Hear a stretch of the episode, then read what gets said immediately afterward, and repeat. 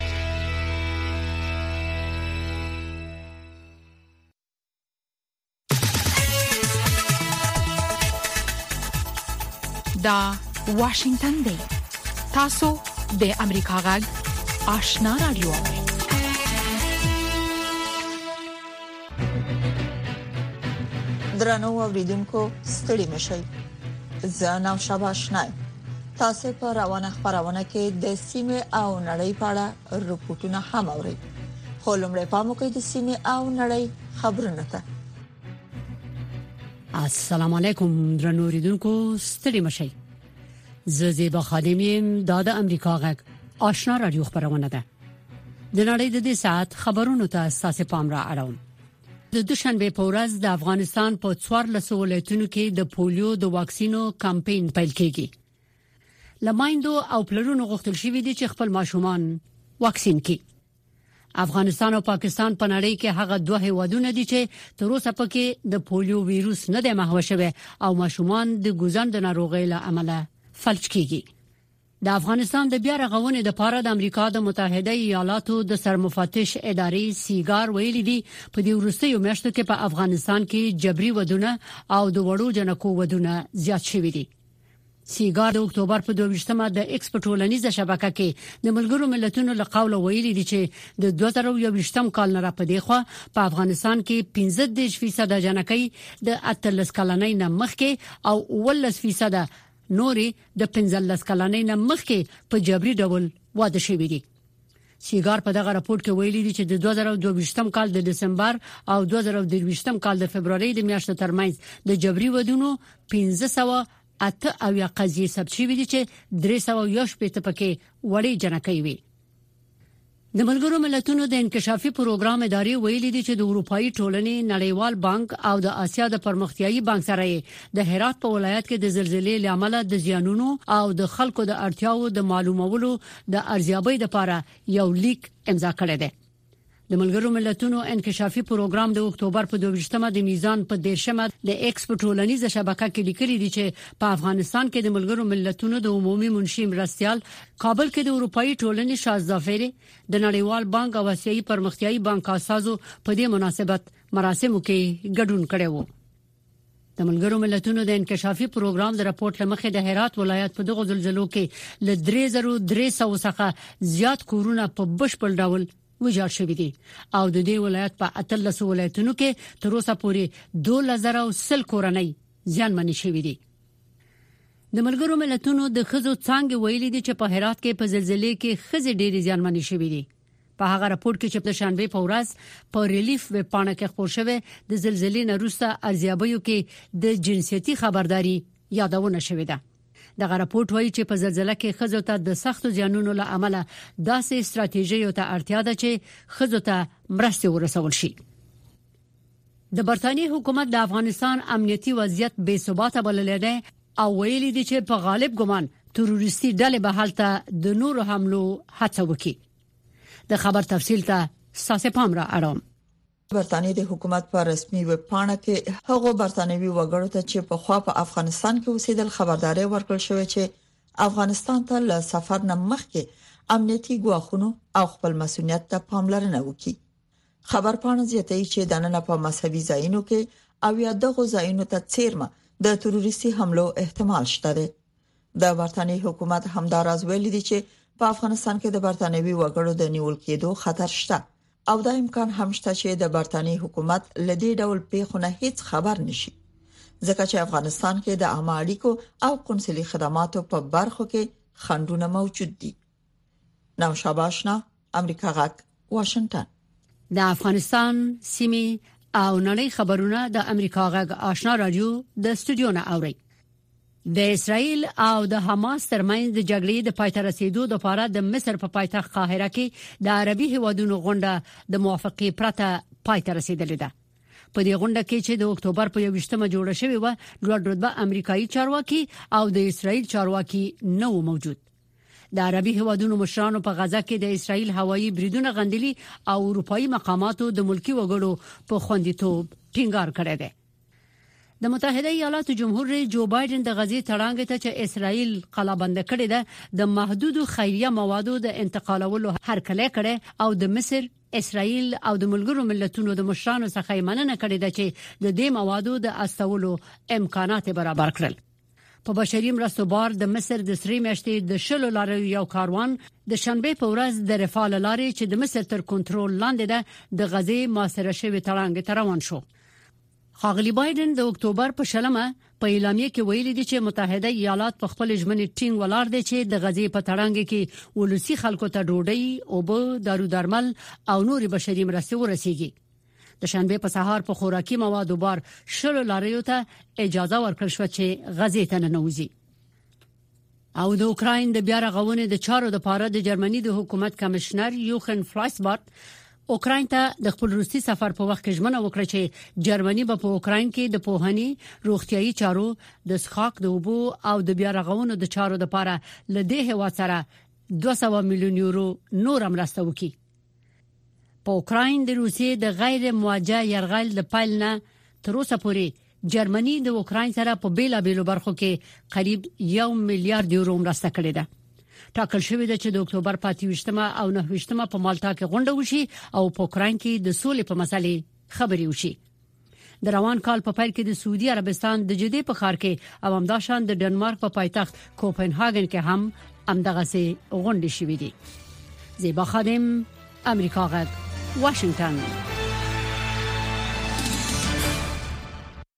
د سیمه او نړۍ خبرونه واوریدل په موقع د سیمه او نړۍ په اړه رپورټونه ده د طالبانو حکومت د عامه روغتیا وزارت وایي چې کابل کې د جمهوریت په روغتون کې د اصلاحاتو او معیاري کولو او په تدریسي روغتون باندې د بدلولو لپاره 4 میلیارډ افغانۍ مصرفي د دغه وزارت سرپرست ډاکټر قلندر عباد کابل کې خبريالانو ته وویل چې افغانان هر کال تر 1500 میلیون ډالر پورې په بهرنیو هیوادونو کې په خپل درملنه مصرفي په دې اړه نور تفصيل د اکرام شینواری په رپورت کې اوري د طالبانو د حکومت د عامه روغتیا وزارت سرپرست ډاکټر قلندر عباد د یکشنبه په ورځ کابل کې یوې غونډې ته په وینا کې ویل چې حکومت پریکړه کړې چې د جمهوریت روغتون کې اصلاحات راولي او دا روغتون په تدریسي روغتون باندې بدل کړي هغه وی چې د دې کار لپاره 3 میلیارډ افغانۍ په پام کې نیولې دي چې په دې کې به تقریبا درې سوه او اوولس میلیونه موږ د دې شفاخانې په تعمیراتي کارو باندې مصرف کوو او تقریبا دوه میلیارده شپږ سوه اویا میلیونه به موږ د دې لپاره طبي تجهیزات اخلو همدارقنته به نهه سوه یوویشت میلیونه د دې په معاشاتو باندې مصرف کیږي لس میلیونه به تقریبا د اتاق عاجل لپاره ادویات اخیستل کیږي. ډاکټر قلندر عباد وویل چې په افغانستان کې لومړی ځل دی چې روغتون ته دا اندازه پیسې اختصاص کیږي. هغه وویل چې د دغه روغتون د معیاري کولو په ترڅ کې به د روغتون د بسترو شمیر هم له درې سوو څخه څلور سوو ته لوړ شي او د طبي پرسونل شمیر به هم دوه زره او دوه سوه یو نوي تنو ته لوړ شي. د طالبانو د حکومت دغه چارواکي ویل چې د دغه روغتون وروسته به په ولایتونو کې هم دغسې نور روغتونونه په تدریسي روغتونونو باندې بدل کړي. د دې نه وروسته به په دې شفاخانه کې به اته ویشت مختلف تخصصونه او سپیشلایز برنامې مخې ته وړل کېږي. موږ په دې شفاخانه کې پلان لرو چې نه صرف دا چې چېرته دلته د موږ د خپلو ولسونو یا د وګړیو لپاره معیاري خدمات وړاندې کړو بلکې دغه د موږ د تخصص لپاره د ټیچنګ یو بهترین هاسپیټل یا دلته موږ په راروان وخت کې د ریسرچ سنټر په توګه باندې هم کار ځینې واخلو. تر دې دمه پورې موږ په افغانستان کې هیڅ داسې یو شفاخانه موږ نه لرو چې د هغه نه موږ د ریسرچ یا د پرمختللي تعلیمي برنامو کار موږ ځینې واخلو. هغه په افغانستان کې د ناروغانو د درملنې په برخه کې د نیمګړتیاو یادونه وکړه او ویې ویل چې هر کال افغانان په بهرنیو هېوادو کې د معیاري درملنې په لټه تر پنځه سوه میلیونو ډالرو پورې مصرفوي. په دې مانا باندې چې د موږ مریضان خارج ته ځي او دا پنځه سوه میلیونه پیسې د افغانستان نه ایستل کېږي، دا د دوی په دا سفریه، هلته د دوی په هوټل، هلته د ډاکټر په خرچه او مصارف او هلته د دوی په ادویه جاتو، په دغو ټولو شیانو باندې مصرف کېږي.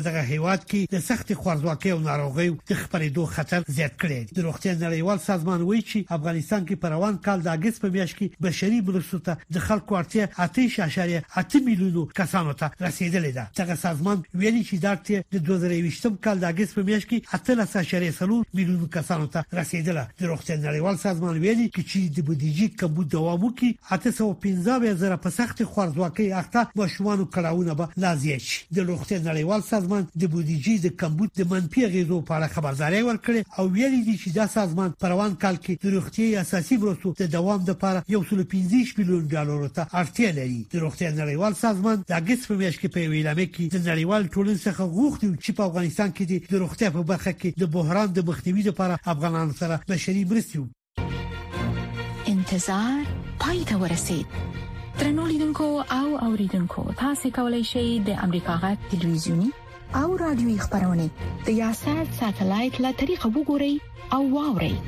د نوي ساتلایت لارې تاسو د آشنا اتصال او کاروان ټلویزیونی خبرونه کتلای هم شئ د امریکا غږ د افغانستان څنګه خبرونه په 309 پټ چنل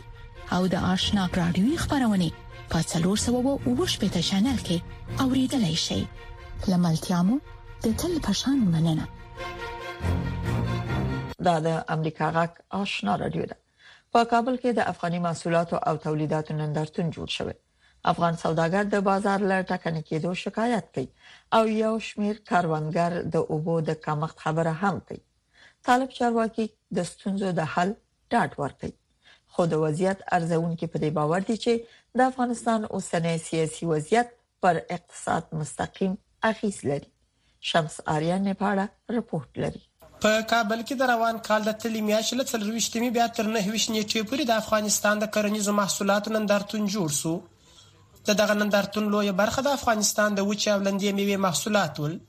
چې تر څلور سوه زیاتې غرفې پکښې درول شوې وې. که څه هم طالب چارواکي دغه نندارتون د افغانستان د اقتصادي پیاوړتیا لپاره لویه لاسته راوړنه ګڼي، خو په ورته وخت کې افغان سوداګر د امیدوارۍ ترڅنګ د محصولاتو لپاره د بازار نه شتون او د تولیداتو په برخه کې د اوبو له کمښت څخه شکایت کوي. املوک هم راوړي دي دوه درې رقمه غوړي هم راوړي دي څو رقمه د کنجد غوړي او د زغرو غوړي او د پندانې غوړي چې دي ته دا شان مشکلات د حقین لري چې د اوبو له ناحیې نه لږ زره کوي هغه دي او د حشراتو نه لږ زره کوي متضرر شوي دي نور الحمدلله ټول محصولات د بلخ ولایت کې خو خو یو شی چې ورته نسته بازار دی نمایشگاه ها خو همیشه به خاطر معرفی تولید وطن است و بازار نسبت به مارکت مارکت ها نظر به گذشته خو تغییرات آمده یک چیز واضح هستند با تغییرات حکومت گذشته در بازارها هم تغییرات رونما شده و ان شاء الله که نسبت به سال گذشته سال فعلی که از خوبتر و بهتر است خو بل لور ته د طالبانو د کرنې او اوبو لګولو وزارت مرستیال سید اعظم عثماني د اوبو د ستونزو د حل ډاډ ورکوي نوموړی زیاتوي چې کرنیز محصولات د افغانستان پر اقتصاد رغنده اغیز لري. الحمدلله په ټولو ولایتو کې او په هره ولسوالۍ کې د اوبو د مدیریت لپاره او مثلا خاص پروګرامونه روان دي چې چګډمونه دي مثلا د چګډمونه په وجه باندې چې موږ وکولای شو چې هم د نقصان نه مثلا ځان بچ کو هم د اوبو سطح برقرار وساتو او د ملي تجاران لپاره خصوصي سکتور لپاره موږ د دې ته زمينه برابره کړې ده چې دلته سرمایه ګذاري وکړو ځکه چې د موږ د ملک اقتصاد په دې سره لوړدای شي. بلخوا بیا شنونکي وايي چې د افغانستان او نړۍ ترمنځ د سیاسي او ډیپلوماټیکو اړیکو پڅوالی د افغانستان پر اقتصاد او سوداګرۍ ناوړه اغېز کړی دی. له بده مرغه چې بیا هم زموږ د هواد سیاسي تعامل له نړۍ سره نه جوړ شوی ډیپلوماټیک اړیکې هم خنه دي موږ ګورو چې زموږ د بسګرانو میوه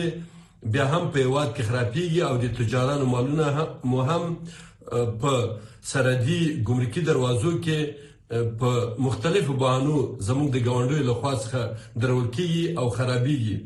افغان سوداګر په داسې حال کې د ستونزو د حل غوښتنه کوي چې تېره میاشت په تورخم کې د رامنځته شوي شخړې په وجه افغان سوداګرو ته په میلیاردونو افغانۍ زیان واوښت. شمس آرین، امریکا غږ.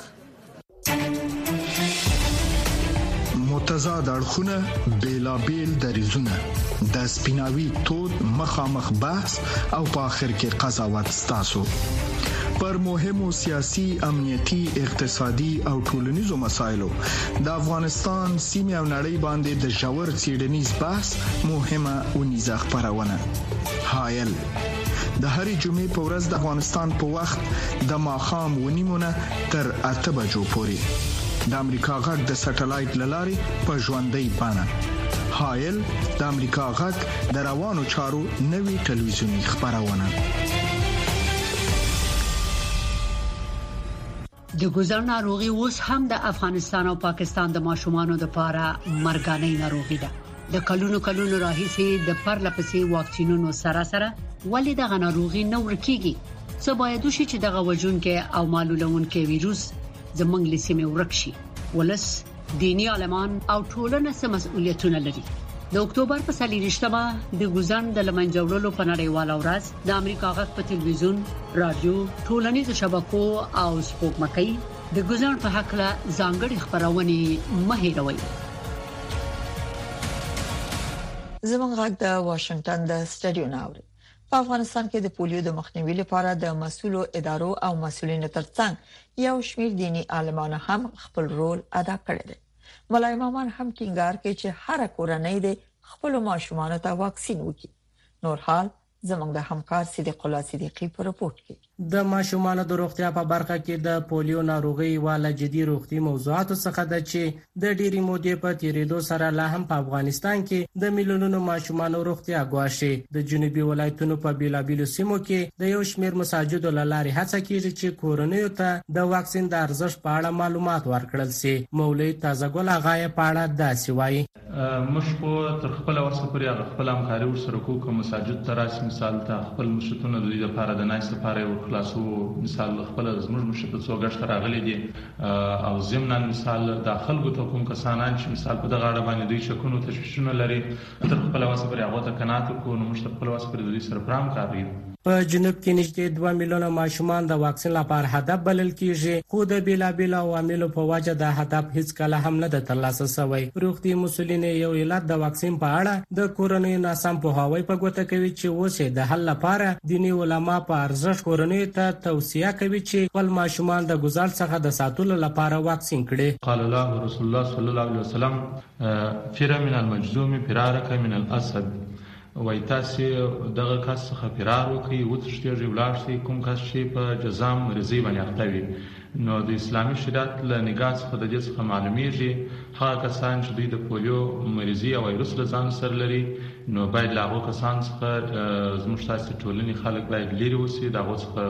ډیر ګوښه سي تر څو دوی په دغه ویروس او په دغه میکروبیو باندې اخته نه شي. د پولیو د پروګرام یو تن مسول ډاکټر وحیدالله وایي چې یو شمیر کورنۍ له حقیقت څخه لیرې پر اوازو باور کوي چې دا ستونزه له واکسین څخه د زرګونو ماشومانو د پاتې کیدو سبب شوی. نوموړی زیاتوي چې له هرې ممکنه لارې څخه په ګټې اخیستنه د پولیو مشترک ټیم هڅه کوي چې د واکسین د ارزښت په اړه رد کورنیو ته قناعت ورکړي. افواهات او شایعات په کې ډیر رشد کوي ډیر زر خبريږي هر څوک چې یو څه وایي بیا هغه خلک مني او باور پې کوي او عمل پې کوي نو زما توصیه ده ما وختنه د خلکو څخه ده چې د خپل د ماشومان روغتیا باید په پام کې ونیسي او د پاینده کې چې ما ماشومې ګډ وډود کیږي یا فلج کیږي دغه وخت هیڅ پښیمانه ګټه نه کوي دغه ماشومانو آینده ته باید وګوري د خپل ماشومانو آینده باید تضمین کړي په روان میلادي کال کې په افغانستان کې د پولیو ټولې شپږ پیښې ثبت شوې چې ټولې په ختیځ ننګرهار ولایت کې دي دلته په جنوب کندهار کې بیا تازه ترتیبي ازموینو وروسته د ښار په درو برخو کې د پولیو محیطي وایروس ثبت شوی چې د یادې ناروغۍ د خپرېدو په اړه اندېښنې راپورته کړي ډاکټران وایي چې د ګوزڼ ناروغي ناروغۍ درملنه نه لري او مخنیوی یې یوازې د پولیو واکسین له لارې څخه کېدای شي.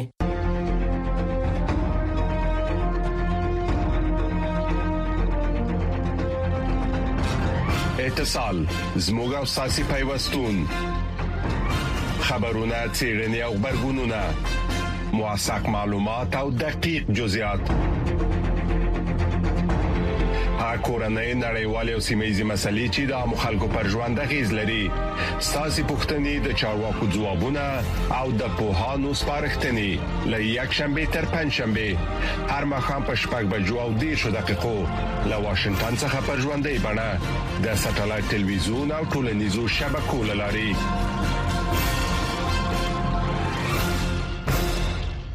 په داسې حال کې چې هر کال په لسګونه زره نایجیریایي مسلمانان او عیسویان د سپېڅلو مقاماتو د زیارت لپاره منځني ختیځ ته سفر کوي د هغه افریقایي هواد د چارواکو په وینا د اسرایل او حماس ترمنځ روانه شخړه د سفر پلانونه لستوندو سره مخ کوي دا جنگ چې د اکتوبر په ومه پر اسرایل د حماس لبریت نه ورسته پیل شوه تر دې دمه په دواړو غاړو کې 15000 نه زیات خلک وژل شوي دي تفصیلی په رپورټ کې اورئ. ابو موسی عبدالله چې د جمعې د لمانځه د ادا کولو لپاره یې خپل ځان چمتو کاوه، په دغه ورځ یې په ذهن کې نور څه هم تېرېدل.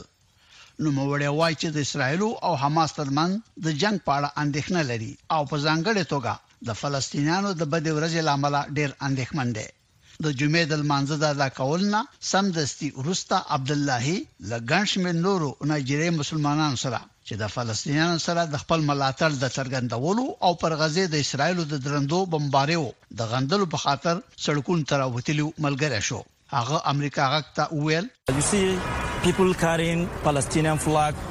تاسو ګورئ چې خلکو د فلسطین جنډې په لاسونو کې نیولې دي، لګیا دي د فلسطیني ولس په ملاتړ شعارونه ورکوي. دوی د بې انصافۍ پر خلاف غږ پورته کړی، په ځانګړې توګه د هغو ښځو او ماشومانو په حق کې چې اسرایلي عسکر پرې په ډېره بې رحمۍ سره حملې کوي. د اسراییل او حماس په جنګ کې د انساني تلفاتو د شمېر د لوړېدو له امله د خلکو قهر او غضب مخ په زیاتېدو دی. دوه اونۍ مخکې د اسراییل پر جنوب د حماس په بې ساري برید کې له څوارلس سوه نه زیات کسان ووژل شو. د دغه برید په تعقیب پر غزه د اسراییل په انتقامي بریدونو کې تر دې دمه له څلور زرو نه زیات فلسطینیان وژل شوي دي. هر کال له نوي زره نه زیات نایجریایان د مقدسو مقاماتو د زیارت منظور، منځني ختیځ ته ځي. خو نایجیریايي چارواکو په دې اونۍ کې وویل چې په سیمه کې د تشدد د زیاتېدو په اړه اندېښنه لري. تېره اونۍ د نایجیریا د عیسویانو د زیارت کوونکو کمېسیون چې د اېن سي پي سي په مخفف نوم یادېږي د جنګ په وجه اسراییلو ته د خپلو پیروانو سفرونه وځنډول. د پنجشنبې په ورځ په نایجیریا کې د شریعت لپاره سترې شورا په ابوجا کې د یوه مطبوعاتي کانفرانس په ترڅ کې د خلکو د وژلو غندنه وکړه او ویل چې دا عمل له بشري حقوقو نه یو سرغړونه ده د غستر شورا له اسرایل سره د ملاتړ لامل متحده ایالات پړ کړل او پر ملګرو ملتونو غږ وکړ چې د روان شخړې په اړه کلک دریز غوړه کی د نوموړي شورا مشر شیخ عبدالرشید هدایت الله له نایجیریایي چارواکو نه وختنه وکړه چې له اسرایل سره د نایجیریا اړیکو ته لسره کتنه وکړي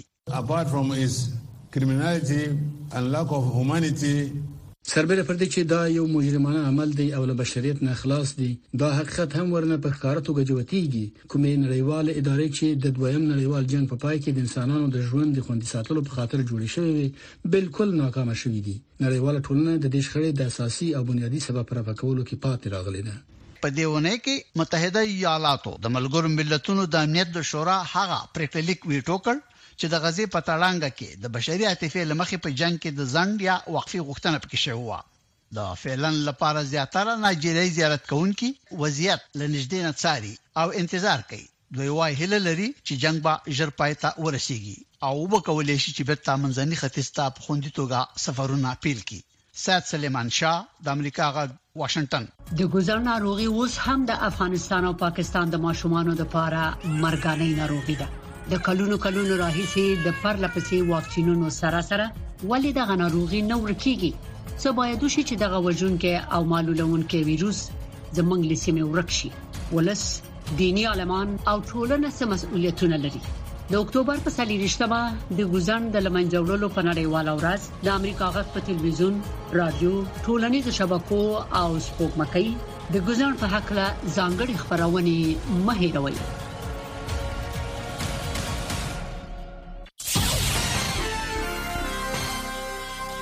درنو اوریدونکو دا د اوس په یو سرمقاله ووري چې د امریکا د حکومت نظر څرګندوي یوا د سترو چیلنجونو نه چې نړۍ اوس ور سره مخامخ ده هغه د خوړو ستونزه ده د بهرنیو چارو وزیر انټونیو بلینکن ویلي دغه استراري حالت وسو ملیونه خلک په کم غذایی کې پرې خودل موږ په خپل حکومت کې په دې باندې کار کوو چې کوشش کوو دې ته حل پیدا کړو چې د عاجل ستونزې هغه تاثیر کم کړو چې موږ ورسره مخامخ یو. امریکا په نړۍ کې د نړیوال خوراکي پروګرام ته ستره مرسته ورکوونکې ده. موږ هر کال د نړیوال خوراکي پروګرام د بودیجې تقریبا 50% برابروو. زه څرګندوم چې نور ډیر ستر هیوادونه چې ډیر ځلې په سر لیک کې دي د خپلې بودیجې څخه کم 1% برابروي. مګر د بهرنیو چارو وزیر بلینکن ویل حتی په داسې حال کې د دغو نږدې ضرورتونو په اړه کې تمرکز کوو موږ د راتلونکو لسیزو اساسي چیلنج له پامه نشو غورځولای په نړۍ کې د ډیرو او ډیرو خلکو چې د خوړو وده کول مشکل او مشکل کېږي د بهرنیو چارو وزیر ابلینکنن وویل، د په حقیقت کې د خوړو لپاره نړیواله تقاضا به د دوه زره پنځوسم کال پورې پنځوس فیصد زیاته شي. جمهور رئیس بایډن د هغه څه په باره کې ډېرې خبرې کوي چې دی ورته د انعطاف نقطه وايي، دا داسې یو څه دي چې په هرو شپږو یا اوو نسلونو کې راځي او د دې مانا څه ده؟ په بین المللي چاپیریال کې همدا اوس بدلونونه ډیر مهم، ډیر شدید او ژور احساس دی چې موږ او نور هیوادونه یې همدا اوس کوو. دا به راتلونکې بدله کړي، نه یوازې د راتلونکو کلونو لپاره، بلکې د راتلونکو لسیزو لپاره دا داسې یو ډول شیبه ده چې یو ځل په هرو شپږو یا اوو نسلونو کې راځي، د بهرنیو چارو وزیر بلینکن وویل، په دې کې کوم شک دی چې د خوړو راتلونکي خوندیتوب په حاصل خېزه خاوره باندې متکي دي او فصلونه د اقلیم د بدلون سره ځانونه برابروي ځکه نو د روان کال د فبروري په میاشت کې امریکا افریقایي اتحاد د خوړو او کرهڼې سازمان په ګډه او هغه څه پیل کړ چې منګه د فصلونو او خاورو د برابرولو لپاره لید غنو یا وی ای سی اس امریکا د وي ای سي ایس سره د 100 میلیونو ډالرو ژمنه کړې ده 50 میلیونه ډالر د فصلونو د برابرولو لپاره او 1 میلیون ډالر د دې لپاره دي چې د خاورې سالمتیا زیاته کړي او د کرهڼې د پرمختګ لپاره د بین المللي بودجې لارې کار کوي آی اف ای ډي مونږ څو عمره ورکوونکي د نوي تمویلولو چوکاټ منځته راوړو چې د تخمونو او خاورې د تمویلولو سره مرسته وکړي د بهرنیو چارو وزیر بلینکن ویلي زه په دې واقعیت ویاړم چې امریکا بنیادي مرسته ورکوونکې ده او زه له تاسې نه نن شپه ډیره ساده غوښتنه کوم او هغه دا ده د موږ سره په دې برخه کې مرسته وکړي زموږ په شریکه راتلونکي کې دغه پانګاچونه وکړي زه فکر کوم موږ قوي فرصت لرو چې د راتلونکو لسیزو په بدلولو کې چې همدا اوس پیل کیږي کار کوو چې ژور فرق کوي درنو اوریدونکو دا و د امریکا غږ سرمقاله چې د امریکا د حکومت نظر څرګند د ګوزړ ناروغي اوس هم د افغانستان او پاکستان د ماشومانو لپاره مرګانه ناروغي ده د کلونو کلونو راهیسې د پرله پسې واکسینونو سره سره ولې د غناروغي نه ورکیږي څه باید وشي چې دغه وژونکي او معلولونکي وایروس زمونږ لسیمه ورک شي ولس دینی عالمان او ټولنه سم مسؤلیتونه لري د اکتوبر په سلیریشتمه د ګوزن د لمنځوړلو په نړیواله ورځ د امریکا غږ په ټلویزیون رادیو ټولنیزو شبکو او سپوږمکۍ د ګوزن په حق له ځانګړي خبرونه مهیروي